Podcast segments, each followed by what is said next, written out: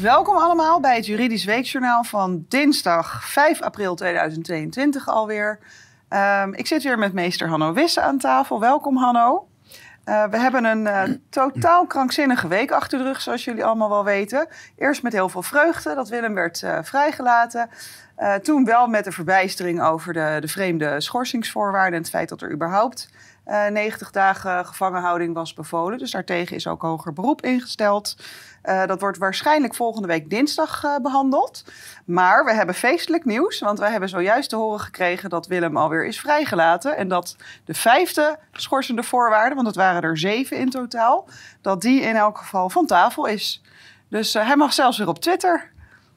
Ja. En um, dus daar zijn we blij om dat de vrijheid van meningsuiting in die zin toch nog enigszins gerespecteerd wordt.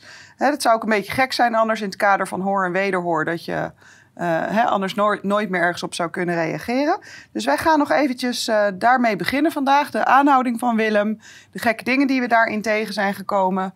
En um, Er had moeten staan artikel 10 EVRM. Dat gaat namelijk specifiek over vrijheid van meningsuiting. We gaan het hebben over de strijd tegen desinformatie. Een update van de stand van zaken over de tuchtklacht. Daar hebben we inmiddels meer informatie over.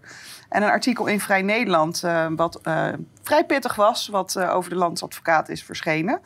En waar ik in elk geval enorm van genoten heb. Dus dank aan de schrijvers.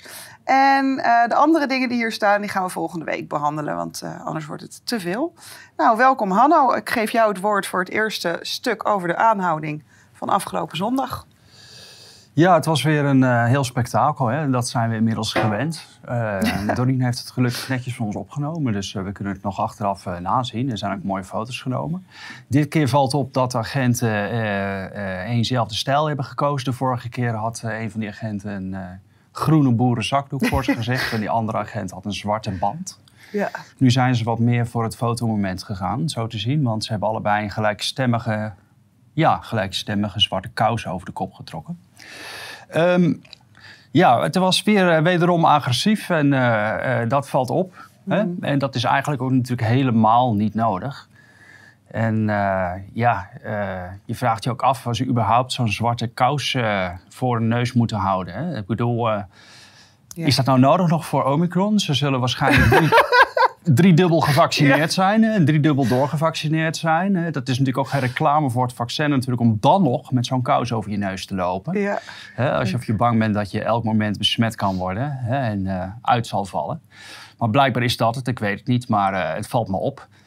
En uh, nou goed, uh, ja, je weet het niet precies, hè? want uh, als je goed gevaccineerd bent, kan het ook gebeuren dat je mogelijk gordelroos in de mondholte oploopt. Ah, dat had ik nog helemaal niet gehoord. Ja, dat is een officiële site, hè? dat is dentalinfo.nl, waar officiële standaards naartoe gaan om een informatie vandaan te halen.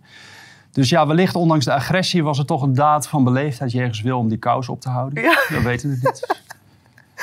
Um, ja, wat opviel was dat een van die agenten, toen hij uh, ja, Wilm naderde, toch zijn hand op het vuurwapen hield. Natuurlijk, het vuurwapen is niet getrokken, laat daar geen misverstand over bestaan. Maar het is natuurlijk wel een buitengewoon... Ja, het, het, komt buitengewoon agressief en intimiderend mm. over. Hè? Want en het was nergens voor nodig, want hij was gewoon uitgestapt netjes. Je ja. ziet ook, hij werkt overal aan mee. Vorige keer heeft hij ook overal aan meegewerkt. Je mag toch veronderstellen dat Wilm inmiddels geen bekende is. Hè? Met al die uh, monitoren die tegenwoordig natuurlijk plaatsvinden. Hè? Dus uh, ja, ze zullen Wilm natuurlijk van haven tot gort inmiddels kennen. Ja. Dus uh, ja met je hand op je vuurwapen naar iemand toe lopen, uh, dat, uh, ja, dat, daar, ik denk niet dat daar reden voor was. Hè? En uh, goed, überhaupt om, om een vuurwapen te trekken, er zijn natuurlijk hele strenge voorwaarden voor. Hè? Dan moet iemand anders ook natuurlijk verdacht worden om een, een vuurwapen onmiddellijk voor gereedheid bij zich te hebben. Dat soort dingen. En goed, daar is natuurlijk totaal geen sprake van. Ja, je hebt even alles uit de ambtsinstructie opgeschreven. Ik heb even een ambtsinstructie opgeschreven, want uh, ik heb de indruk dat uh, ja, het wel eens goed is om dat nog eens een keer te herhalen. Hè, ook voor de agenten die meekijken. Ja. Zodat ze de volgende keer uh, ja, beter opletten. Ja, ook wat kalmer zijn. En, ja. Ik ben dat trouwens vergeten te zeggen voor de kijkers thuis. Maar de PowerPoint wordt elke week op onze website gezet bij de betreffende aflevering. Dus die kunnen jullie na afloop ook raadplegen. Ja. Nou goed, hand op het vuurwapen is voor extreme situaties. Hè? Dat, dat mag duidelijk zijn. Um, dan hebben we natuurlijk het in de boeien slaan wat we wederom zagen. De vorige keer was het ook al uh, prijs. En uh, goed, daar staan hele duidelijke regels voor in de ambtsinstructie. Artikel 22 is dat. Um, daar staat de maatregel om in de boeien te slaan kan slechts worden getroffen indien de feiten of omstandigheden dit redelijkerwijs vereisen met oog op het gevaar voor ontvluchting, dan wel met oog op het gevaar voor de veiligheid of het leven van die persoon die rechtens van zijn vrijheid is beroofd, van de ambtenaar of van derden.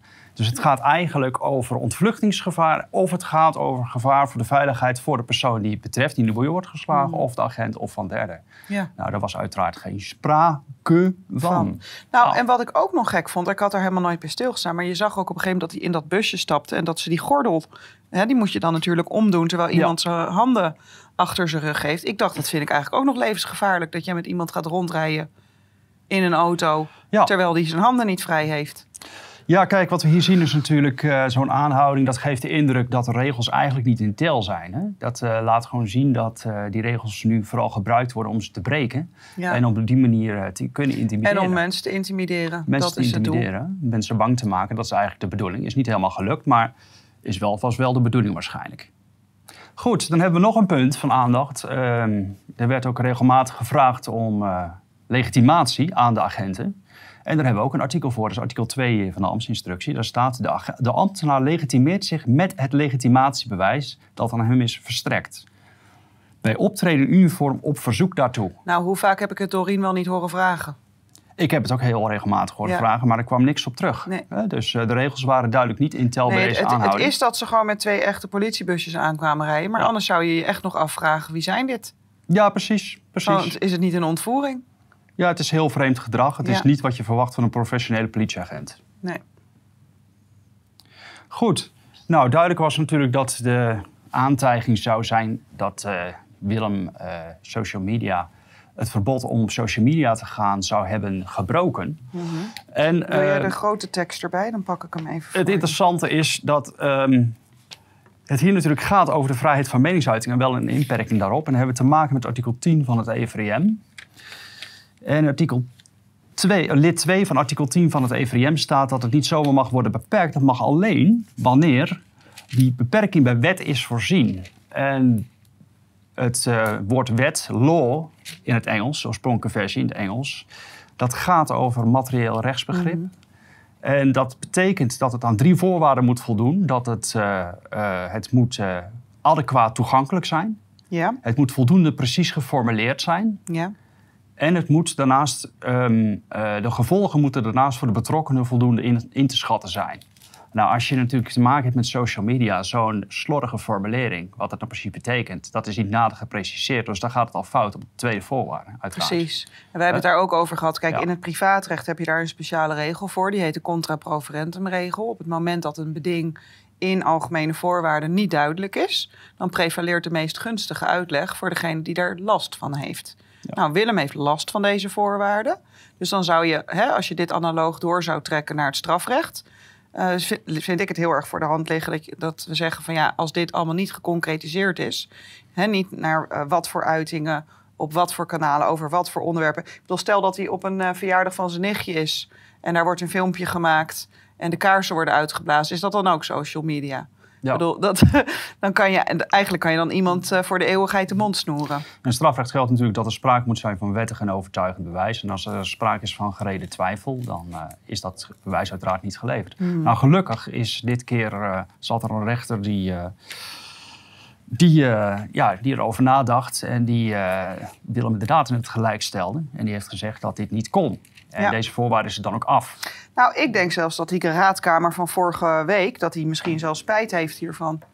Want als ze het wel hadden geconcretiseerd, waren ze er beter vanaf gekomen. Want nu kan Willem alles weer. Hij kan weer op Facebook, hij kan weer op Twitter, hij kan weer op Instagram. Ja, het geeft uh, toch de indruk dat uh, ja, het OM wordt aangestuurd door een clubje belegen heren die niet precies weet hoe dat werkt met social media. Die uh, blijven ook nog niet goed met een e-mailaccount kunnen omgaan en zo. En met niks afweten van Facebook en Twitter. Althans, die indruk wekt het. Ja. Dat is een beetje een knullige indruk. Goed. Nou, oh ja, nee, daar wilde ik toch nog heel even op wijzen. Dat er een mooi stukje in de Volkskrant uh, is opgenomen gisteren. Een opinie van uh, uh, ene advocaat Willem Jebbink. En die is ook al een keer eerder vrij kritisch geweest over het geweld tijdens de demonstraties. En ja, ik vond dit een goed artikel om te lezen. Ik zou ook een linkje aanhechten. Ja.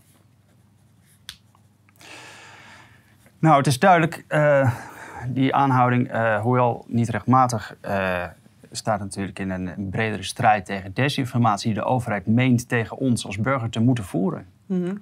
dat is eigenlijk het bredere context waarin het allemaal in staat. En die strijd tegen desinformatie heeft weinig eigenlijk met het recht te maken. Klopt. dus die heeft veel meer te maken met het idee dat, we, ja, dat die democratie dat het allemaal wat gevaarlijk is. Hè? En dat we terug moeten naar een soort kleuterklas waarin iedereen hetzelfde denkt. En um, ja, er zijn wat WOP-stukken naar boven gekomen. Dat heb ik niet gedaan, dat hebben anderen voor mij gedaan. En uh, die ben ik dan ook dankbaar dat ik van hun stukken gebruik kan maken. Onder andere Daniel van der Tuin en uh, anderen. En um, daarin valt op, bijvoorbeeld in een WOP-stuk van 28 uh, februari 2020 al, dat daarin staat... Um, dat het grootste gevaar is verlies van vertrouwen in de overheid als nieuwsbron. Hierdoor gaan burgers andere nieuwsbronnen opzoeken, waardoor het moeilijker kan worden het narratief over de aanpak van de crisis te sturen. Dus ze geven het hier gewoon letterlijk toe, hè?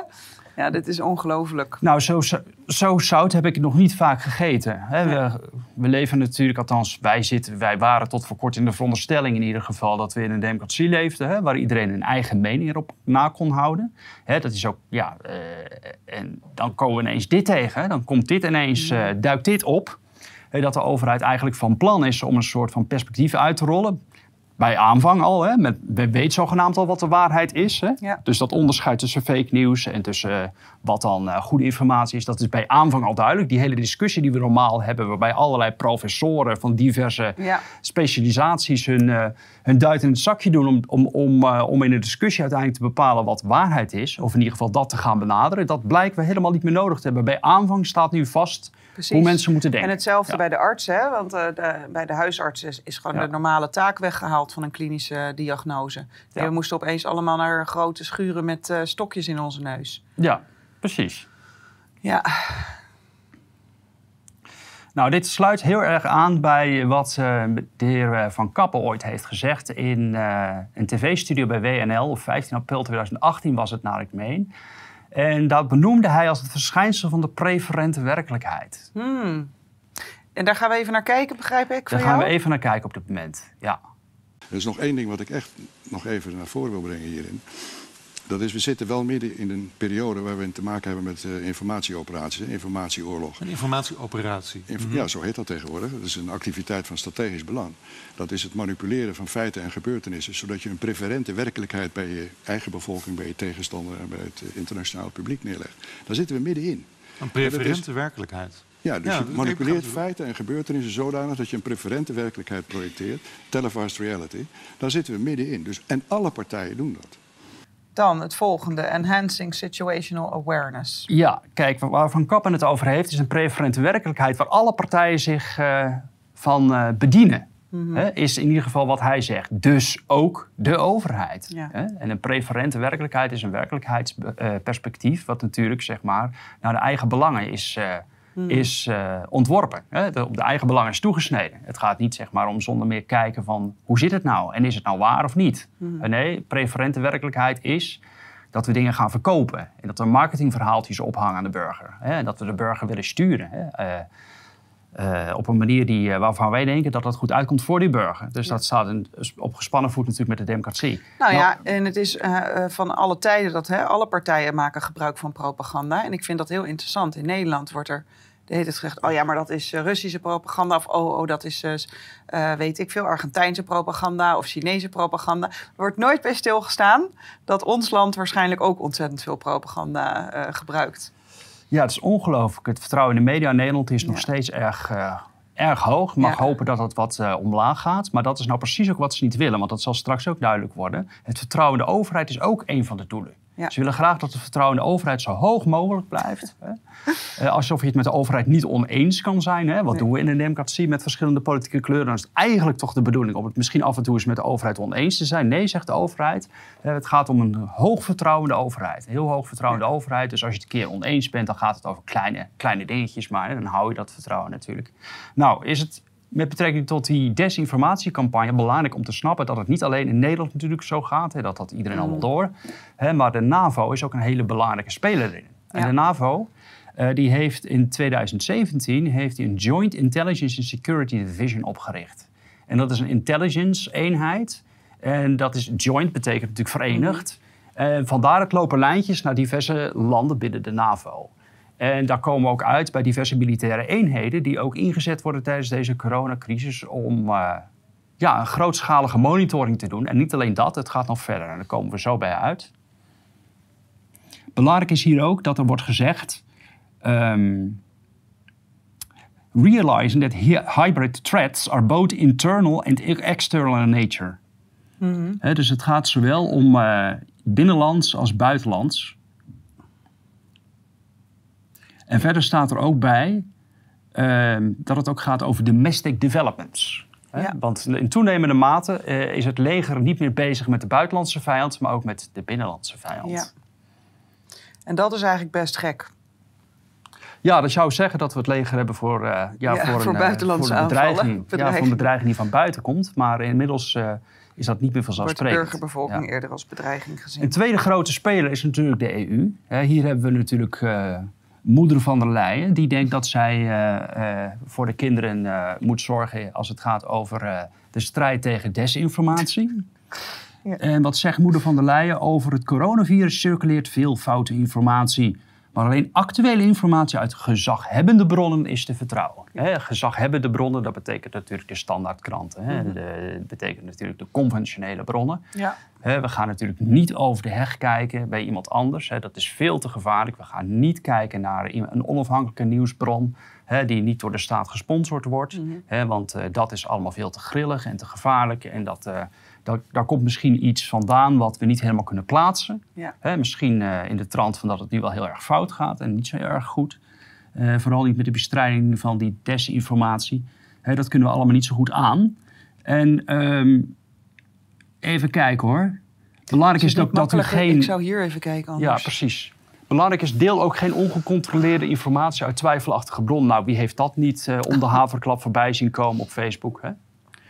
En natuurlijk dit, hè? dit is erg belangrijk. Als EU-instellingen vechten we allemaal samen tegen desinformatie. Hè? Er zijn geen complotten, maar als EU-instellingen vechten we allemaal samen tegen desinformatie. We werken allemaal lekker samen. Ja. En we werken vooral nauw samen met online platforms. En wat doen die online platforms tegenwoordig? Censureren. precies. En we stimuleren hen om gezaghebbende bronnen te promoten, aantoonbaar onjuiste en misleidende informatie niet te promoten en illegale informatie of informatie die schadelijk kan zijn voor uw gezondheid te verwijderen. Ja. Ik Ja. zit inmiddels weer vier straffen uit op, eh, in de Facebook chill. Ja, ik heb er ook regelmatig in gezeten. Ja. ja. Dat is een teken van eh, dat je goed bezig bent natuurlijk. Hè? Ja. Als je regelmatig in de Facebook jail zit tegenwoordig. Net zoals eh, als wanneer een bericht gecensureerd is, dat het juist extra interessant is tegenwoordig natuurlijk om te kijken wat daarin Ja.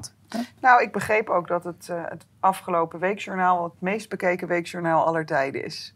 Oh, is dat zo? Ja, dus eh, dat er Goed heel veel bezoekers waren op de website. En eh, dat het af en toe zelfs vastliep. Het leuke is dat filmpje, dat kunnen we even nu niet laten horen, maar mevrouw van der Leijden, moeder van der Leijden, is bijzonder bezorgd om mensen die denken dat ze het coronavirus kunnen bestrijden door een slokje bleekwater te nemen. Ja, dat zijn heel veel mensen die hebben dat zomaar ineens in hun hoofd. Die denken, we gaan bleekwater drinken. Het is echt eh, een groot gevaar, hè? Nou, dan hebben we hier hebben we, ehm, een aantal berichten die door Daniel van der Tuin bijeen zijn gebracht, onder andere. En door eh, Van der Vecht. Eh, samenwerking van tech giants tegen desinformatie. En het leuke is vooral wat ik lees, en rechts onderin. voorafgaand aan het heeft Tech Corona een maatschappelijke gelegenheidscoalitie tussen bedrijven en overheden, waaronder Defensie en Marechaussee, ongevraagd advies uitgebracht. Hier zien we weer een gigantische samenwerking met betrekking tot misinformatie. Ja. Men weet allemaal al wat de waarheid is. Hè. Men hoeft er niet over na te denken. Men krijgt het gewoon lekker, eh, eh, ja, weet ik veel, voorgesorteerd, ingelepeld. En de bedoeling is om lekker enthousiast dat dan ook bij de bevolking in te gaan lepelen. En mensen die er anders over denken, ja, die moeten toch te horen krijgen dat ze te ingewikkeld nadenken, blijkbaar. Ja, Dat, eh, dat kan allemaal niet meer. dat is niet de bedoeling. Dus, eh, maar goed, eh, ehm, ja, er zijn weinig mensen die denk ik hierover nadenken wat het nou allemaal met de democratie nog van doen heeft. Ik weet wel dat de EU nog een document heeft geschreven. Een document staat dat het allemaal juist voor de democratie bedoeld is. Want ja, als mensen in de war raken naar democratie, dan wordt het ook zo'n potje. Hè? Als mensen door die misinformatie, de, de zeg maar, het dictatuur allemaal moet niet wel duidelijk zijn. de dictatuur moet wel duidelijk zijn, ja. Dus we kunnen het dan hebben over welke koffiebekers we aanschaffen, misschien in het parlement. En eh, welke kleur pennen. En welke kleur stoelen misschien, als die eens een keer vervangen moeten worden. En daar gaat het parlement dan blijkbaar in de toekomst ooit een keer nog over. Maar verder, ik weet het niet. Goed, ja, het is duidelijk dat er natuurlijk eh, een, van een massieve golf van censuur op social media eh, sprake is.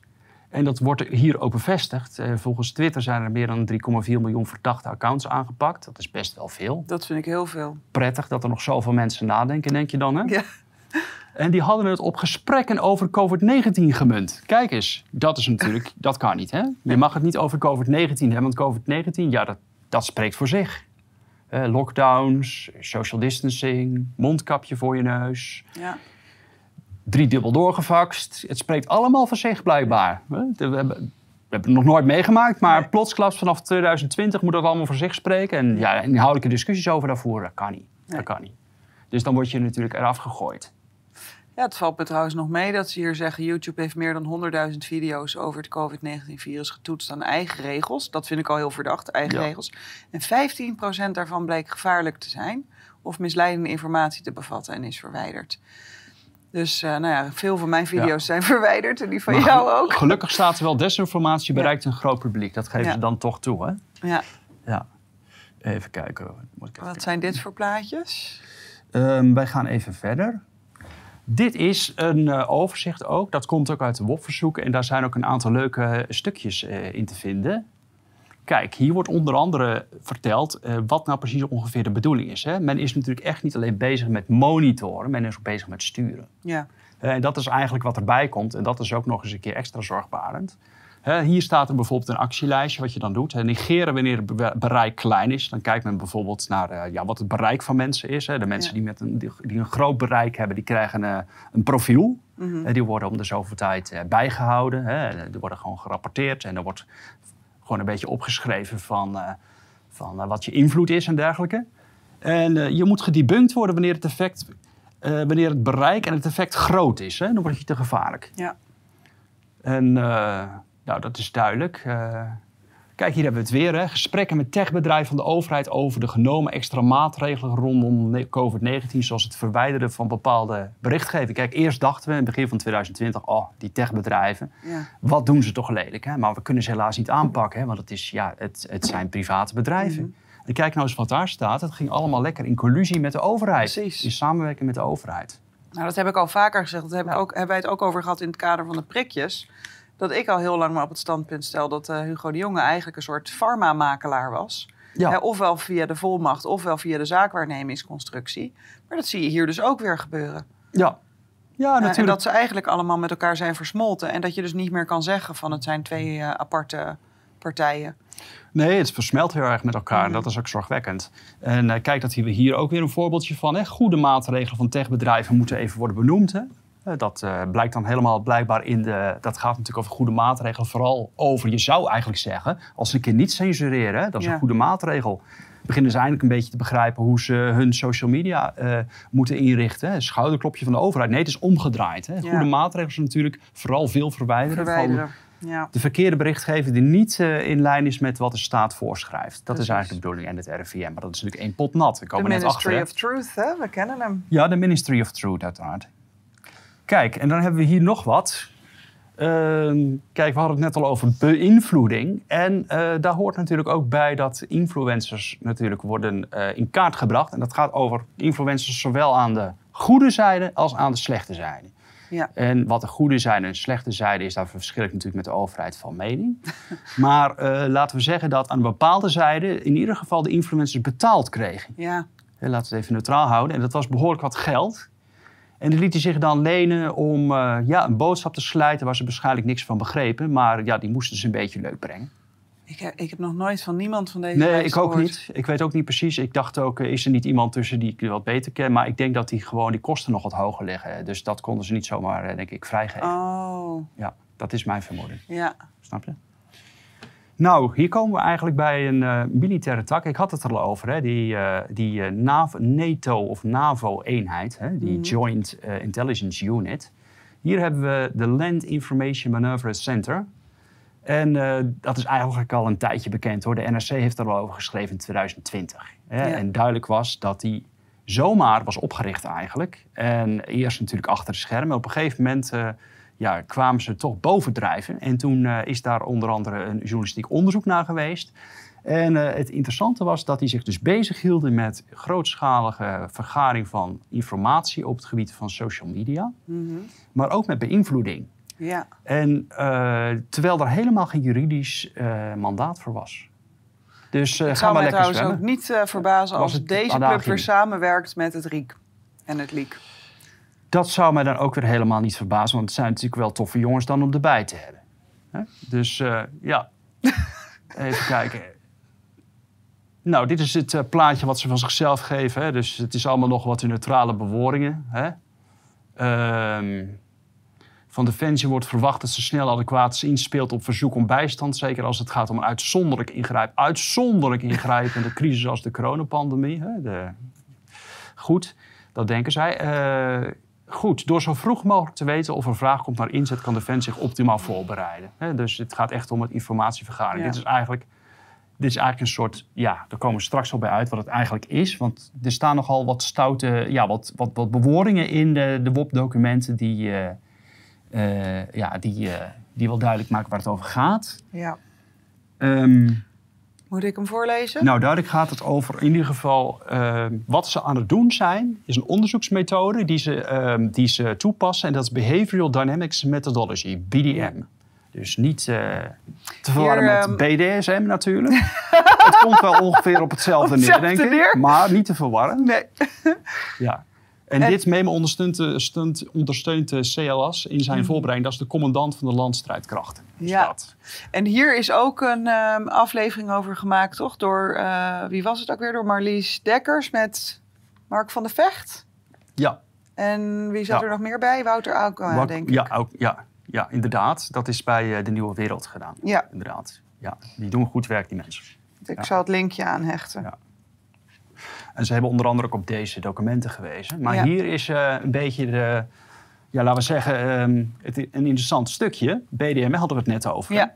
Eh, is onderbieden gezegd een moderne en geüpdate versie van wat vroeger een PSYOP werd genoemd. Hmm. En dat is, PSYOP is natuurlijk een psychologische operatie. Ja. En dat is eigenlijk natuurlijk misleiding, puur Ja. ingezette misleiding... om mensen ertoe te bewegen en een bepaalde richting op te Ja, lopen... op die goed been uitkomt. te hè. Het verkeerde been uit te zetten, gewoon te bedriegen, daar gaat het eigenlijk om. Ja. Het baseert zich op inlichting over de doelgroep, analyse van die inlichting... en vervolgens gericht beïnvloeden van de opvatting en de houding van de doelgroep. Ja. Kijk, daar hebben we niet alleen de passieve kant, maar ook de actieve kant erbij. Vervolgens gericht beïnvloeden van de opvatting en de houding van de doelgroep. Ja. Alleen al uit de omschrijving zal bij de meeste mensen argwaan ontstaan, geven ze toe. Zeker als het wordt toegepast buiten de context van een militaire operatie met een duidelijk mandaat, rechtsgrond en dergelijke. Nou, het is eigenlijk Ze toegepast. geven gewoon alles hier toe. Ze geven alles toe. Het is ook toegepast buiten een normaal mandaat. Dat Ja. kwam ik naar buiten. Dat is ook uit eh, eh, onder andere het, het onderzoek van NRC naar voren gekomen. Maar dat is ook, kijk, als je die WOP-stukken leest, dan zie je eigenlijk een voortdurend gevecht van juristen die denken van, daar moet ik toch nog eens wat van gaan zeggen, want dat kan toch eigenlijk helemaal niet. Mhm. Hè. Die zijn hartstikke bezig om grondrechten te dwarsbomen. Dat mag helemaal niet.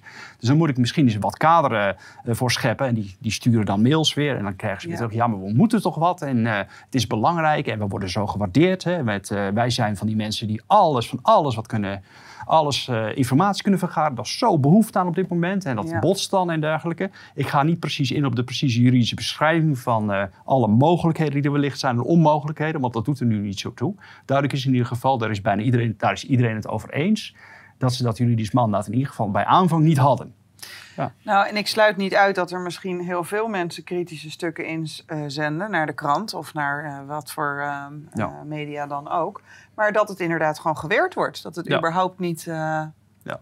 Terwijl het vroeger dan misschien nog wel geplaatst zou worden. Je merkt nu dat er iets meer ruimte voor kritiek begint te ontstaan. Ja, Maar ik vind het nog steeds mondjesmaat. mondjesmaat hier en daar. Hè? Ja, ja. Ja. Maar goed onthouden. Hè? Wat, een geüpdate versie wat vroeger een psyop werd genoemd. Dat eh, wordt gewoon volmondig Toegegeven. Ik ben eigenlijk wel geschokt dat ze het er gewoon in hebben gezet. Goed, hier vinden we een. eh, kijk, hier vinden we nader omschrijving hè, van de Behavioral Dynamics Methodology. Is een doorwrochte methode om problemen, crisissituaties te vertalen in gewenst en ongewenst menselijk groepsgedrag. Te analyseren hoe daar effectief invloed op uit te oefenen is. Ja. Dus men weet het allemaal al precies wat gewenst en ongewenst eh, groepsgedrag is. Hè, want dit wordt natuurlijk in de desinformatiecampagne Ja. natuurlijk toege- toegepast. Hè. Ja. En ja, je kunt, ik, eh, die militairen, dat zijn natuurlijk geen intellectuelen. Hè. Die hebben niet, eh, denk ik, een eh, graad in de medicijnen behaald... zodat ze onmiddellijk kunnen inzien hoe dat zit met die pandemie. Dus die krijgen natuurlijk ook alles natuurlijk op het bordje allemaal fijn gesneden. Van hoe ze over dingen moeten denken. Hè. Ehm, goed. Kijk, opvallend, hè? de risico's, hè? daar is heel veel in gestreept. Hè? Ja. Dat, er zijn natuurlijk nogal wat risico's, dat kan iedereen aan zijn theewater aanvoelen. En dat zien we dan ook terug. Er is er lekker, lekker veel in gestreept hier. ja. Lekker veel geschrapt. Goed, hier hebben we een praktische... Oh, het is, niet zo, het is goed, het is enigszins te lezen. Nou, wat betekent dat dan praktisch, dat beïnvloeden? Nou, er wordt dan hier even een voorzetje voor gedaan. Conclusies kunnen dan zijn... Mensen in een omgeving tegen de aanwezigheid van militaire eenheden... die tegen de aanwezigheid van militaire eenheden zijn... hebben als belangrijkste argument sentiment A. Dat komt duidelijk naar voren in de volgende anonieme quotes B, C, D. En dat betekent dat we met een custom-made narratief X... met de juiste afzender Y, die we eventjes opzetten... Hè, eh, een soort van eh, vogelverschrikker die we in de lucht steken. Via het juiste kanaal Z creëren we eventjes, of we nemen we even over... deze groep hun perceptie kunnen doen Het veranderen. staat er gewoon letterlijk in. Ja.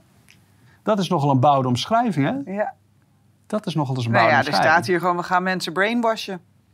Tuurlijk betekent En dat... ik moet eh, dan dat toch ook weer aan die Engert van die Ja. Harari denken met eh, humans are animals and we can eh, hack into their brain of wat die ook Dat gaat nog een stapje verder inderdaad. Daar zit nog een heel technologisch gedeelte aan vast. Maar dit gaat al heel erg ver, vind ik. Ja. Hè, dit, hè, Dat dit betekent eigenlijk dat mensen niet meer zelfstandig kunnen nadenken. Ja, of tenminste dat je, daartoe, dat je het zo ver maakt met de beïnvloeding...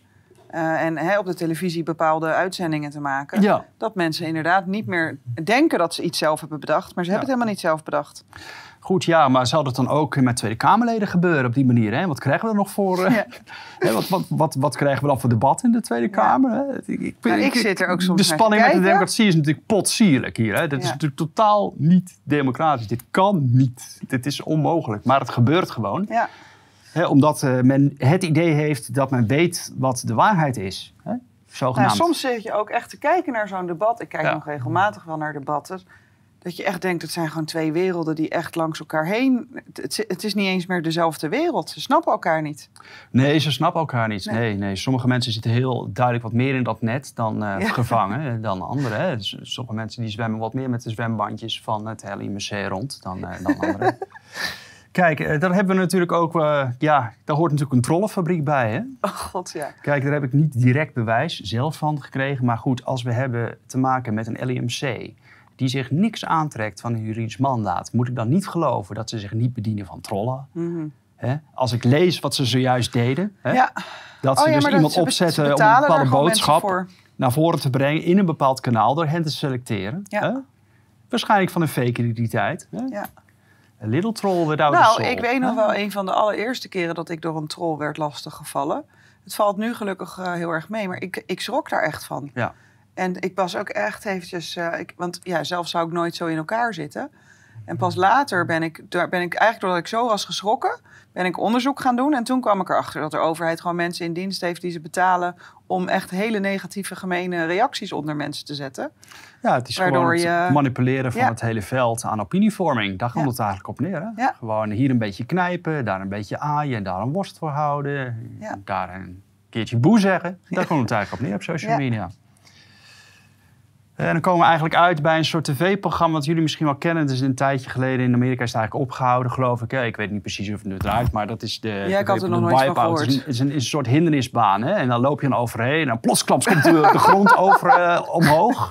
Of ineens komt de muur opzij. Of een donder er vanaf. Of dan denk je van, oké, ik loop langs die gaten. En dan krijg je ineens een bijlpeer. Van, Oh, dit is ook wel erg. Ja, dus daar het heeft het wel veel mee te maken. Hè? Dat is natuurlijk wat het LIMC, LIMC eigenlijk het meest aanschouwelijk voorstelt. Hè? Dat Ja. is natuurlijk zo'n soort hindernisbaan creëren. En ja, wij, eh, ja, het is natuurlijk eigenlijk voor, vooral voor de wappie- wappies bedoeld. Voor de mensen die een andere mening hebben. Mhm. Voor mensen die zelf nadenken. Mensen die zeg maar snappen van... hé, hey, misschien eh, gaat het niet helemaal zoals het hoort nu op dit moment. En ja, die moeten dan uit balans gebracht worden. Ja, nou dat gebeurt Dat voortdurend. eh, Want ik zie dat ook met een heleboel berichten die dan heel hardnekkig opeens weer terugkomen. Dat je denkt, die hebben we nou toch al heel lang gehad en al gedebunked. Ja. En opeens, poef, komt het weer bovendrijven en is weer de halve tent in paniek. Ja, originaliteit is vaak ver te zoeken natuurlijk. Hè? Maar kijk, als je de zaak zelf niet doordacht, doordacht hebt... dan kun je ook moeilijk met intelligente opmerkingen komen. Dan blijf je een beetje natuurlijk steken in eh, hetzelfde herkauwen en herhalen. Ja, Ja, goed, kijk. Wat voor Natuurlijk, memo is kon, dit? natuurlijk dit is eh, ook een memo. Dat is eh, van, eh, ook van de begintijd. Ehm, eh, 2019 staat er zelfs bij. Dat is Ja. interessant. Waarom is dat interessant? Omdat het LIMC, dat werd aangekondigd door de minister in maart, geloof ik, of in ieder geval in het voorjaar van 2020. Als een nieuwe vinding die op dat moment Ah. zeg maar, er zou zijn. Maar ze bestonden dus al. Ze bestonden al een tijdje. En het interessante was, ze bestonden al voordat corona uitbrak. Ja. Kijk, ze werden namelijk Erg convenient. de 109e Open Source Intelligence Company. Dat is het LIMC. Ja? En die is opgericht op 3 december 2019. Oh. Ja. Ja. Kijk, en eh, ja, waar gaan, gaan ze over? Eh, Informatie over non-combatant in, eh, non-combatanten in inzetgebieden. Dat is onder andere ook een onderdeel van hun taakstelling. hè. Non-combatanten betekent natuurlijk mensen die niet, eh, geen, geen militairen, niet Ja. militairen. Hè. Dat Precies. gaat natuurlijk wel echt over de domestic threat. Ja. Burgers bespioneren. Hè. Militairen die zich tegen burgers gaan keren. Eigenlijk, dit hele perspectief gaat eigenlijk over de militarisering van informatie. Ja. Dat is eigenlijk de kern. De militarisering van informatie. Ja. Want normaal zouden we zeggen, goh zeg, we gaan eens een mooi debat organiseren. En we Nee, nodigen eens een paar professoren eh, dat uit, een paar andere slimme mensen. En dan gaan we het lekker hebben over zaken. En dan, dan krijgen we misschien nog eens inzicht hoe het echt zit. Ja. Maar die tijd is, over, voorbij. over Nee, we aangelegen mogen- onderwerp We althans. mogen geen vergissingen meer maken. We komen straks in een sociaal kredietsysteem terecht. En mensen durven niks meer te zeggen of te doen. Eh, dus dat wordt niks. Ik moet wel zeggen dat ik eh, aangenaam verrast was dat Amnesty International hier aandacht aan heeft gewijd. Ja, Ik weet niet of je dat draadje ook hebt gezien. nee, ontschoten. maar dat, ze, hè, dat burgers nu worden bespioneerd door de NCTV. En zij zijn daar een campagne tegen begonnen. Dus ik dacht, nou, weet je, laten we ze ook een keer weer een pluim geven. Ja. Hier was ik blij mee. Ja, wat opvallend is natuurlijk dat uh, dat leger natuurlijk uh, al lang bezig is met uh, onze eigen burgers. Maar Amnesty International kijkt nog vooral over de landsgrenzen heen naar buiten. Hè? Dat Precies. is een opmerkelijke discrepantie. Ja. Ja. Die doen net alsof Ja. er in Nederland niks aan de hand is. Nee, nee, nee, precies. Ja. ja. Nou kijk, wij hebben in Nederland niet alleen zo'n uh, zo'n militaire eenheid. In Engeland is er ook één. Dat heet de 77th Brigade. Mhm. En die houdt zich ook bezig met uh, countering misinformation relating to coronavirus. Dus eigenlijk hetzelfde als waar uh, het LIMC mee bezighoudt. Ja. En hier staat ook een beetje beter omschreven onderaan waar ze zich mee bezighouden. Special, ze specialiseren in de non-lethal, niet dodelijke vormen van psychologische oorlogsvoering. Uh, ze gebruiken social media daarvoor. Facebook en Twitter uh, daaronder begrepen. Ja. En dan wordt uiteindelijk zeg maar, daar een doelstelling aan toegevoegd dat het zogenaamd niet zou gaan om de burgers. Ja. En daarin verraadt zich een NAVO-framing. Ja. Want dat heeft de minister van Binnenlandse Zaken bij ons ook geroepen aanvankelijk. Dat al die burgers die moesten in de gaten worden gehouden. Dat heeft, had niet zo, die, die informatie moest in de gaten gehouden worden. Dat had niet zozeer te maken met onze eigen burgers die bespioneerd worden. Maar dat had te maken met buitenlandse actoren die die misinformatie zouden aanwenden tot ons eigen nadeel. Oh ja. En dat is de NAVO-framing uiteraard. Ja, Rusland is natuurlijk de gebeten hond hier. Hè? Ja. De verschrikkelijke Poetin. Terwijl het is, het, is, het is allemaal verschrikkelijk in mijn Ja. ogen. Het maakt helemaal niks uit. En, of tenminste, ja, ik vind die Zelensky nog erger. Maar ik, hè, ik ben het eens met Jeroen. Ik ben ook geen fan eh, van Poetin. Nee, goed, eh, ik wil geen, eh, absoluut geen partij kiezen in dat conflict. Ik ben niet pro-Poetin en ik ben niet pro-Zelensky. Laat dat heel duidelijk zijn. Mhm. Ehm, In ieder geval, het lijkt erop alsof men in Engeland het beeld nog wat beter intact heeft kunnen houden. Dat men het uh, tegen de Russen deed en niet tegen de eigen bevolking. Helaas in Nederland is dat beeld uh, aan gruzelementen gegaan. Want het bleek dat na een peiling dat de minister van Binnenlandse Zaken met dat narratief niet zoveel opschoot in die framing. De Nederlandse bevolking geloofde er geen klap van. Zelfs de mensen die volledig onder hypnose waren, trokken een wenkbrauw erbij op. Mm. Dus dat is niet gelukt. Nou, en het is nu natuurlijk ook bizar waar ze mee bezig zijn. Hè? Met die nieuwe wet, daar gaan we het dan volgende week nog over hebben. Over de uh, bevolkingsverplaatsing of iets dergelijks. Hè, dat ze zomaar eigenlijk Oekraïners in je huis kunnen gaan zetten. En ik hoorde nu ook al verhalen over Nederlanders die dan ergens anti-kraak woonden. Ja. Uh, omdat ze gewoon niet een gewone woning kunnen betalen. Die hebben gewoon een soort ja, aanzegging gekregen dat ze voor het einde van de maand eruit moeten zijn zodat er Oekraïners in kunnen worden opgenomen. Ja, als er zo'n uh, zo'n wet van stal wordt gehaald, die eigenlijk alleen maar in zeer extreme omstandigheden van stal wordt gehaald, wanneer het land in oorlog verkeert, Precies. voor een totaal ander doel, ander doel. om Oekraïners uh, binnen te halen en te huisvesten. Als je daar vragen over stelt, dan is het natuurlijk evident misinformatie die je dan gaat brengen. Dat mag Dat is evident. Ja. Goed, dan hebben we het dan een andere keer nog over, de volgende keer. Nou, het is wel interessant hè, wat er nou eigenlijk aan de hand is. Hè. Kijk, ik vraag me dan af of die mensen die dan nu een beetje eh, aan het stuurwiel zitten, zich niet eens afvragen van uh, waar die, radica die anti-radicaliseringscursussen van een tijdje terug uh, op sloegen. Kijk, ik weet ook wel dat die deradicaliseringscursussen niet zo goed zijn aangeslagen. Mm. Hè? Dus, hier en daar was wat succes. Die mensen die naar, die naar Syrië gingen, die, wanneer ze terugkwamen, het was heel lastig om ze te, te deradicaliseren. Maar je zou bijna denken dat die cursussen zo ingezet kunnen worden nu voor de mensen die die netwerken runnen om uh, al die informatie uit te lezen. Hè? Want mm. wat is nou eigenlijk het verschil tussen natuurlijk uh, desinformatie uh, bijvoorbeeld al van de hand wijzen. Mm. En ja, eigenlijk denken dat je de waarheid je zo in de schoot komt vallen. Die hoef je alleen nog maar te omhelzen en dan heel, heel, heel hard eraan vast te houden. Ja. Dus dan hebben we hier een, een, uh, een deradicaliseringsprogramma. Dat heet Diamant Plus. Ik kan niet instaan voor uh, de groepsgrootte en dergelijke hoor. Dat uh, zeg ik er eerlijk bij. En hoe sterk de studie zelf is. ik ben ook maar jurist, dat weet ik ook niet zo goed.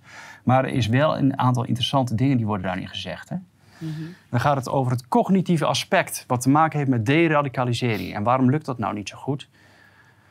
Ehm, nou, er staat er dat ehm, jongeren met, mensen met een complexe, hoogcomplexe denkstijl en hoge mate flexibiliteit, waar ruimte is voor grijstinten, dat zij weerbaarder zullen zijn tegen radicale invloeden dan anderen met een laag complexe denkstijl en minder flexibiliteit en ruimte voor grijstinten. Een belangrijke factor die speelt bij radicalisering is de behoefte tot cognitieve afsluiting. Nou, dat lijkt me toch wel duidelijk dat daar massief sprake van is nu. Hè? Dat die ook wel enigszins wordt bevorderd. Hè? Moet je je voorstellen, een tijdje geleden was dit natuurlijk was not done. Hè? Dat was het verschrikkelijkste wat je kon overkomen. Het, was, het was absoluut not on. Het was gevaarlijk. Hè? Radicalisering, daar moesten we allemaal scherp uh, op zijn. hè? We moesten elkaar is, helpen wordt nu eh, gezegd om, om te zorgen dat niet, dat niet misging. Ja. En, en, en, en, hoe zit het nu? Nu krijgen we een heel radicaal perspectief ons door de strot gedrukt. Ja. Nou, en het gekke is... Cognitieve afsluiting is een deugd. Ja, precies. In plaats van een, uh, een zonde. Ja. En, maar wat ook interessant is, want dan krijgen wij wel eens voor onze voeten geworpen... dat wij uh, geradicaliseerd zouden zijn in deze coronacrisis. Uh, terwijl ik dan denk, nee hoor, ik ben altijd hetzelfde gebleven. Ehm, jij waarschijnlijk ook. Maar die anderen zijn opeens in een soort tunnel terechtgekomen... waar ze gewoon niet meer logisch kunnen nadenken. En die zijn in mijn ogen geradicaliseerd. Dus het is een hele gekke situatie dat ook dit weer wordt... Ja omgedraaid. Nou kijk, hier gaat het dan over de salafistische, jihadistische ideologieën. Mm maar de, goed, ja, de parallel met de jihad tegen uh, desinformatie, die, ja. uh, die ligt natuurlijk voor het oprapen. Hè? Want die, uh, de jihadisten van de Salafi-gemeenschap, die weten ook heel goed wat desinformatie is. Die parallel ligt echt voor het oprapen. Hè, dat kan beschouwd worden, wordt hier gezegd, dat salafistische kader, maar ook evenzeer natuurlijk hoe we nu zouden moeten denken als een simpel cognitief kader dat aangeboden wordt. Eh, waarbij een rigide onderscheid gemaakt wordt tussen gelovig en ongelovig, tussen het goede en het kwade. Mm. dat is natuurlijk nu zo. We zien nou, die zwart-wit tegenstelling zien we ook weer terug. Je mag niet meer uh, laten zien, dat mag niet meer. Ja, en het geloofse antwoorden geeft alle vragen en onzekerheden. Dat zien we moeder van der Leyen ook uitdragen. Hè? Nou, de vaccinology Ja, pas op, hè. neem geen slokje bleekwater om COVID mee te genezen. Dat, dat, dat, kan niet. Je moet naar mij luisteren, want anders gaat het helemaal fout. Ja. ja. En uh, zelfstandig denken om te komen tot rationele morele oordeelsvorming is niet meer nodig, want alles staat in heilige boeken. Hè? Nou goed, heilige. Wat dacht je van uh, het OMT-advies? Ja, Het advies van de gezondheid. boeken, dat moet enigszins veranderd worden inderdaad. Die parallel gaat niet helemaal op, want echt boeken, dat is, dat, dat is wat te veel. Het gaat nu voornamelijk inderdaad over eh, OMT-advies. Hè. Die Ja. zijn heilig, daar mag niemand aan tornen. Eh, die worden natuurlijk, eh, dat weten we ook, via de achterdeur geworden door de minister van eh, Volksgezondheid half opgesteld. Ja, Hè? Dat hadden we inmiddels ook Ja, dat alweer is ook bewezen. uit hofverzoeken met een mop. gekomen. Hè? Maar toch zijn ze heilig. Goed. Nou, dan komen we eigenlijk bij een soort conclusie van desinformatie. Dat het CC-vlieg, eh, die normaal eh, alleen bezuiden de Sahara voorkomt... en eh, de gevreesde slaapziekte veroorzaakt daar... eh, inmiddels ook volop op het noordelijk halfrond aanwezig is. Dus dat is niet best. Nee. Nee. Nou, dan gaan we door naar hallo. Ja. Dus even kijken hoor. Maar ik moet nog wel één ding zeggen over die Ja? agenten die Willem hebben vastgehouden, eh, zo hebben ingerekend. Dat ik me dan afvraag hoe die dan thuiskomen. Hè? Als ze dan bij hun, Ja. bij hun eh, vrouw en hun dochtertje thuiskomen. En of ze dan het gevoel hebben dat ze echt iets goeds hebben gedaan voor de maatschappij en voor de rechtsorde. Hè? Als ze dat dochtertje dan vraagt van... eh, papa, wat heb je vandaag gedaan? En dat papa dan zegt, ja, Willem Engel aangehouden. En ja, maar papa, twee jaar geleden zei je nog dat bij een democratie hoorde dat mensen andere meningen mochten hebben. Papa, ja, dan sta je toch met je mond vol tanden, zou ik zo denken. Ja. Ik weet niet wat deze mensen denken. Het, ehm, ja, geen idee. We gaan naar het volgende onderwerp. Ehm, wij hebben hier een paar weken geleden ook aan tafel gezeten. Hè. Toen hebben we op dinsdag 22 maart een uitzending gemaakt over die tuchtklacht tegen de landsadvocaat. Eh, ik heb daar nog even op een rijtje gezet wat er is gebeurd. Dat was op woensdag 9 maart. Eh, en we hebben toen een brief gestuurd naar de Haagse Orde van Advocaten, de deken en de Raad van Discipline. Met natuurlijk een cc'tje aan Rijken zelf. Die anonieme versie van de brief kun je vinden op de website. Ik heb daar ook weer even het linkje bij gezet. En eh, je kan de uitzending van 22 maart, waarin we die tuchtklacht nader toelichten met een praktische leeswijzer, kan je op het linkje daaronder eh, terugkijken. Ik zou dat iedereen eh, willen aanraden, want er zijn inmiddels toch alweer wat dingetjes gebeurd. Ik had mezelf trouwens verteld, ik dacht dat het een klacht was tegen elf advocaten. Maar ik was even vergeten, ik was natuurlijk ooit begonnen, lang geleden, ehm, met elf advocaten. Maar toen kwam er opeens weer een nieuwe op te proppen. Dus het zijn er inmiddels twaalf. We hebben de bevestiging gekregen dat er nu, eh, ik heb het hier opgeschreven. We hebben op donderdag 31 maart 2022 namens de deken van de Haagse Orde, meester I. Aardboom Fuchs, een ontvangstbevestiging eh, gekregen. Eh, dat er twaalf klachtdossiers zijn geopend. En Pels Rijken heeft tot 21 april aanstaande om te reageren op de tuchtklacht. Dus ik ben ontzettend benieuwd wat, wat daarin komt te staan. Eh, en of ze zich gezamenlijk of eh, individueel gaan verdedigen. Want dat was ook nog een vraag die gesteld werd door de deken. En wat wel mooi uitkwam, is dat er toevallig dit, eh, ik denk dit weekend, ja, zaterdag 2 april, is er een zeer uitgebreid artikel verschenen in Vrij Nederland. Met de titel Uiteindelijk is de landsadvocaat een commercieel bedrijf aan een financieel infuus van de staat. Ik heb het daar verkeerd opgeschreven. Infuus moet er staan. Welk artikel hierna uitvoerig besproken zal worden. En eh, wat wel interessant is, er komen heel veel dingen aan bod waar wij twee weken geleden al over hebben gehad. Eh, ja, onze naam wordt natuurlijk niet genoemd, viruswaarheid, dat begrijp je. Maar ik vraag me ook wel af. Ik ben heel blij met het artikel, maar ik vraag me ook af of ze onze aflevering toevallig eh, gezien hebben. Wie weet. Het is in elk geval prettig dat de reguliere media nu kritisch van zich laten horen voor wat betreft die rol van de landsadvocaat. Dit is even het, het, het tekeningetje. Ik heb hier en daar wat geciteerd, want het was achter een betaalwol. Dus ik heb ehm, eh, wel wat dingetjes overgeschreven. Maar als jullie het hele artikel willen lezen, moeten jullie dat zelf eh, opzoeken. Op de website van Vrij Nederland. En ehm, ja, dan gaan we naar de volgende. Hier, ik heb een paar dingetjes eruit geknipt. Eh, sinds 1969 is dus eh, de hofleverancier van de landsadvocaten. Dus bijna 65 jaar. Of nee, al meer denk ik. Nee, even denken. 70, de- de- ja, 52 jaar. En ehm, er zijn meer vragen te stellen bij het instituut landsadvocaat. Hoe verstandig is het de juridische verdediging van de overheid bij één kantoor neer te leggen? En hoe goed is dat eigenlijk voor het algemeen belang, het welzijn van de burgers? Nou, dit vind ik een hele goede vraag die hier gesteld wordt. Daar hebben wij het ook over gehad vorige keer. Wat is nou die rol van de landsadvocaat? En wie is nou eigenlijk de cliënt? En welke belangen moeten ze nou eigenlijk dienen? En nu zien we ook steeds meer dat dat uit elkaar begint te lopen. Het belang van de staat is niet per definitie meer het belang van de burger. Ja. Terwijl wij met ons belastinggeld het salaris, het honorarium van die advocaten allemaal betalen. Waardoor je toch wel uh, daar kritisch op mag zijn. Zeker. Uh, we zien ook hier dat ze 290 medewerkers hebben en ze zijn een van de allergrootste advocatenkantoren van Nederland. Het heeft klanten als universiteiten en ondernemingen, maar de grootste en belangrijkste klant is de overheid. Uh, nou, dit is ook nog een interessant stukje. Uh, Mark Rutte die heeft op een gegeven moment, uh, althans, ik moet het anders zeggen, Halbe Zijlstra, die was heel erg aan het pochen met een of ander ding van de landsadvocaat. En dat, hè, die had het allemaal even laten uitzoeken door de landsadvocaat. Dus ze zaten safe and sound, zoals hij dat zelf noemde. En toen voelde Rutte natuurlijk nuttig, nattigheid. Die dacht, ja, dat moet ik niet hebben. Dat, hè, dat is, we moeten net doen alsof dat allemaal niet zo belangrijk is. Dus die zegt hier ook, de landsadvocaat, het klinkt chic bagatelliseerde VVD-premier Mark Rutte Pelsrijke eind 2014 in een spoeddebat in de Tweede Kamer. Ach, het is gewoon een advocatenkantoor, niet meer dan dat. Nou, inmiddels zien we dat dat gewoon niet waar is. Die twee partijen die zijn zo met elkaar verstrengeld. En je ziet ook dat eigenlijk Pelsrijke heel vaak dingen doet die niet in ons algemeen belang zijn, maar gewoon bijvoorbeeld aan het traineren is, uh, omdat dat de overheid beter uitkomt. Uh, er wordt ook geschreven over dat er een bepaalde cultuur is bij uh, dat kantoor. En um, wat ook wat wel interessant is, kijk, stel dat bijvoorbeeld de Raad van State een advies uh, uitbrengt, dan kunnen we dat gewoon lezen. Of bepaalde dingen van bestuursorganen kunnen wij wobben als we denken van, nou weet je, dit hier moeten we meer over weten. Maar je kan een advies van de landsadvocaat, kan je niet met een WOP-verzoek boven tafel krijgen. Dus het is een heel schimmig, raar gebied.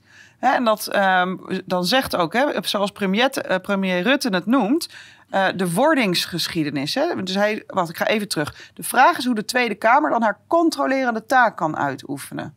Democratische controle gaat juist over procesbewaking, of zoals premier Rutte het noemt, de wordingsgeschiedenis.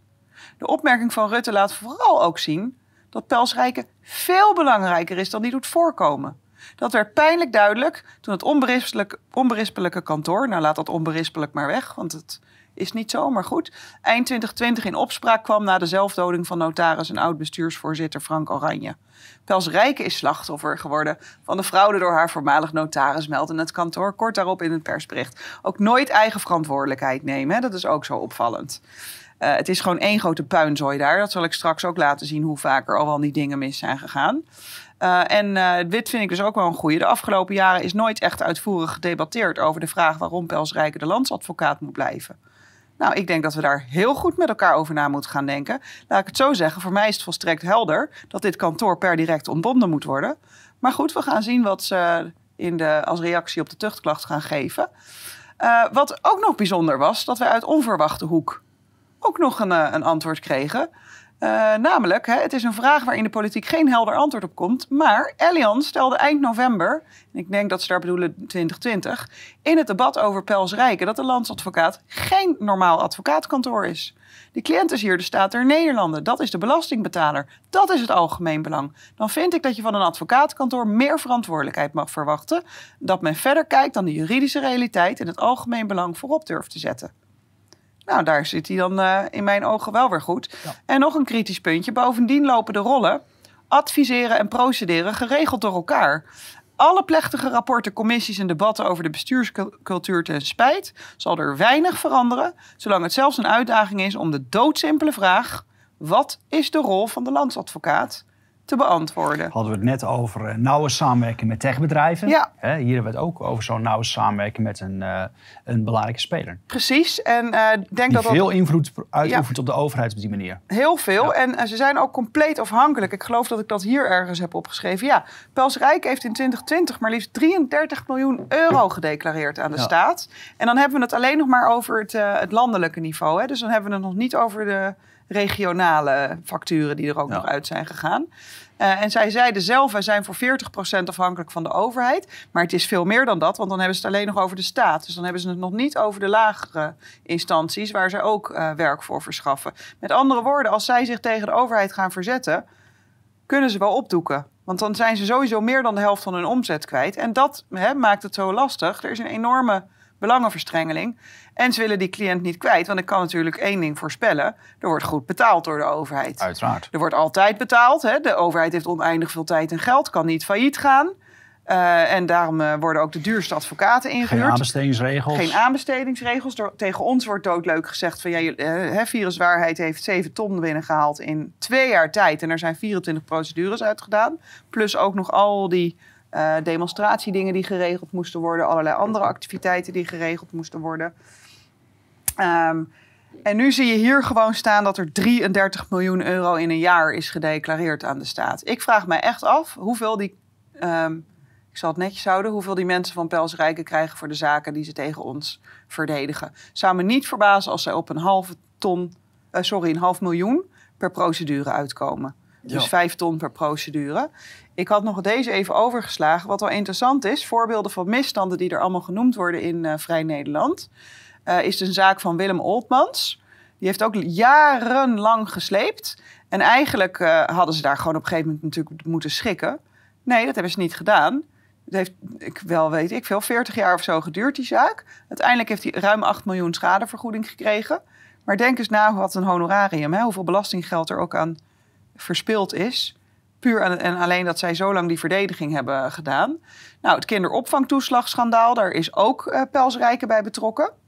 Uh, doordat ze en een adviserende en een procederende uh, rol hadden en allerlei adviezen hebben gegeven over hoe je een bepaalde wet moest interpreteren, waarvan we achteraf toch kunnen zeggen dat is niet zuiver gegaan.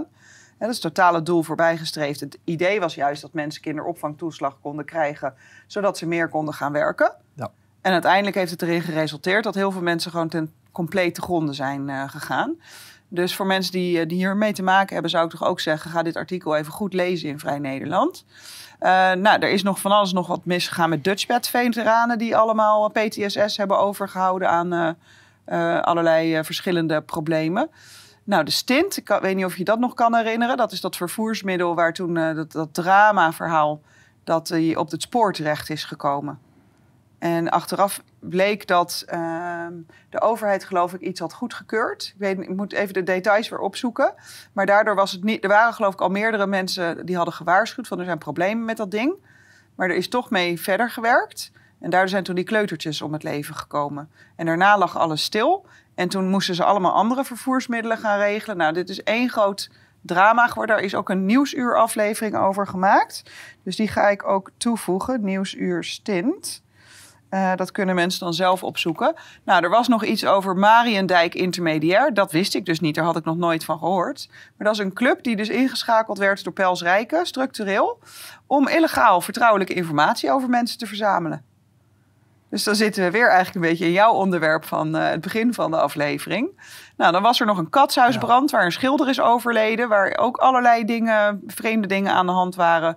En Pelsrijke daar ook dingen gedaan heeft die niet uh, daglicht kunnen verdragen. En ze hebben zich ook heel slecht opgesteld in de procedure tegen de defensieklokkenluider Fred Spijkers. Die had de opdracht gekregen om naar een weduwe toe te gaan, dus van een overleden uh, militair. Om dus te zeggen dat het uh, door ondeugdelijke landmijnen of zo, dat hij zou zijn uh, of nee, dat hij door, weet ik veel, dat hij eh, door een andere reden was overleden.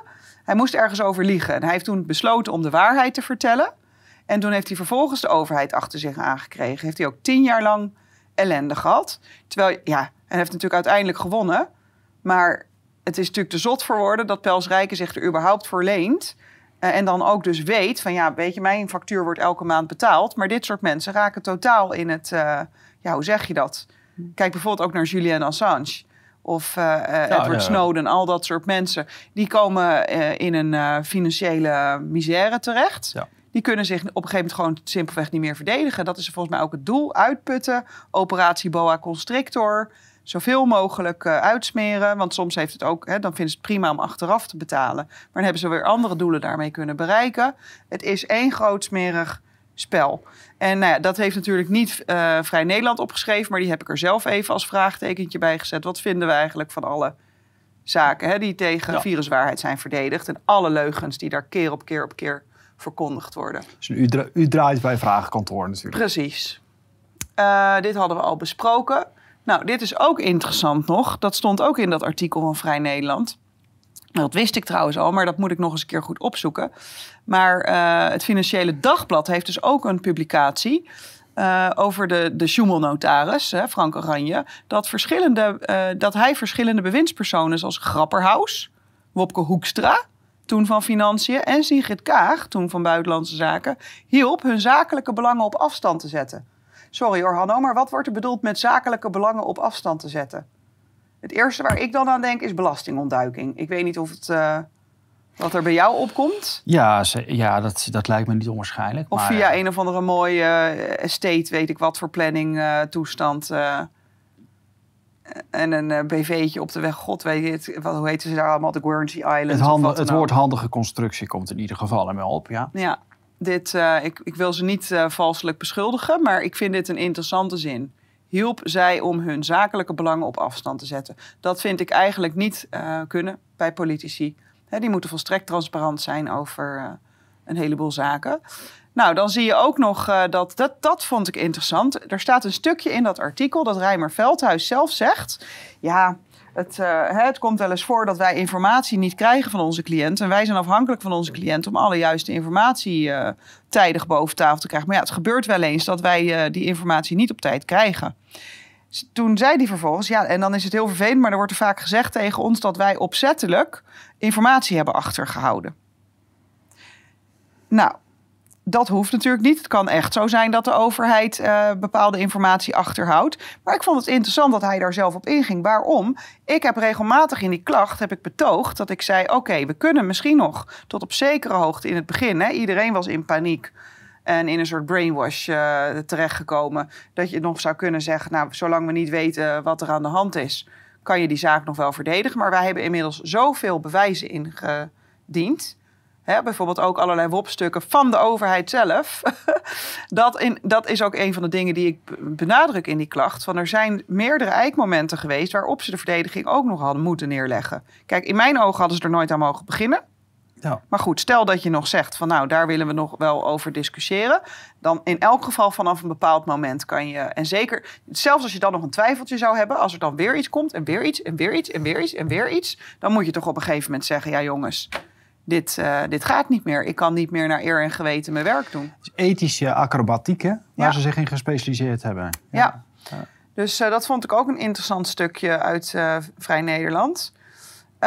wat mij ook nog is opgevallen, want ze hadden een paar goede bronnen nog aangehecht, dus die heb ik er even uitgehaald. dit was ook wel mooi. De, er is dus eerder al geklaagd over Pelsrijk. En toen heeft de Haagse Orde van Advocaten in dat hele gebeuren van Frank Oranje, de Schumann-notaris, uh, geoordeeld dat het controlesysteem binnen het kantoor onvoldoende functioneerde. Ja, vanzelfsprekend. Ja. en dat is op advocatie.nl geplaatst. En uh, ik dacht, als je al nou, zo lang is, bestaat, is... als je zo lang zeg maar, zo'n innige, zo'n innige omhelzing met de overheid verkeert, dan is daar natuurlijk ook weinig. Ja, dan, dat, dat is gewoon een symbiose geworden. Dat is geen situatie waarin er nog veel van zelfreflectie Maar even serieus, hoe, hoe kun je gewoon. Um, um, ja, hoe, wat is het woord daarvoor? Uh, ik vind het echt de understatement van de eeuw. Er is 20 miljoen weggerommeld. Hè, en dat is ook al fascinerend, want dat las ik ook in het Financieel Dagblad. Die Reiner Veldmuis. Ja, dan is dat wel een vrij droge die, constatering die, dat het niet ja. helemaal meer functioneren. Ja. Nee, ja. en die nog erger, die Reimer Veldhuis, die heeft dus uit eigen zak het uh, bedrag voorgeschoten, niet van de schade die, die Frank Oranje heeft uh, veroorzaakt, maar uh, voor de proceskosten die er nu gemoeid zijn. Ja. Om deze hele, he, deze hele fraude, rotzooi, corruptie uh, uh, op te lossen. Ja. En toen dacht ik, dat vind ik interessant. Waar haal jij 16 miljoen vandaan? Ja. Toevallig heeft hij het afgelopen twee jaar eindeloos veel zaken tegen viruswaarheid gedaan. Dat is toch, een, sorry hoor, maar wie heeft nou 16 miljoen even op zijn bank staan dat hij eventjes kan afschuiven? Dus het vind ik een heel apart verhaal. Ik zal even kijken of ik dat FD-artikel over die 16 miljoen ook nog terug kan vinden. Ik denk eigenlijk dat dat ook een van de bronnen is die ik in paragraaf 1.11 heb genoemd. Uh, van die klacht. Nou, gelukkig hadden we dan nog het college van toezicht van de advocatuur. Die heeft een paar weken later uh, gehakt gemaakt van dat veel te milde regionale onderzoek. Daar hebben we ook een, uh, een linkje van toegevoegd. Hè? College van toezicht nova.nl. evaluatie van de werking van het dekentoezicht op Pelsrijken. Nou, wat bleek hier nou weer smeuig te zijn? Uh, dat heb ik ook tegen jou gezegd. Die deken, die bleek zelf jarenlang partner te zijn geweest. Ja. Bij Pelsrijken. Dus dan zou je je toch hebben moeten verschonen. Dan zeg je toch, ja, ja jongens, dit is een klacht over mijn een oud kantoor waar ik partner ben geweest. Ja. Ik kan, ik kan niet onafhankelijk dit onderzoek uitvoeren. Maar dit draaideurgedrag, ik wil het net geen draaideurcriminaliteit noemen.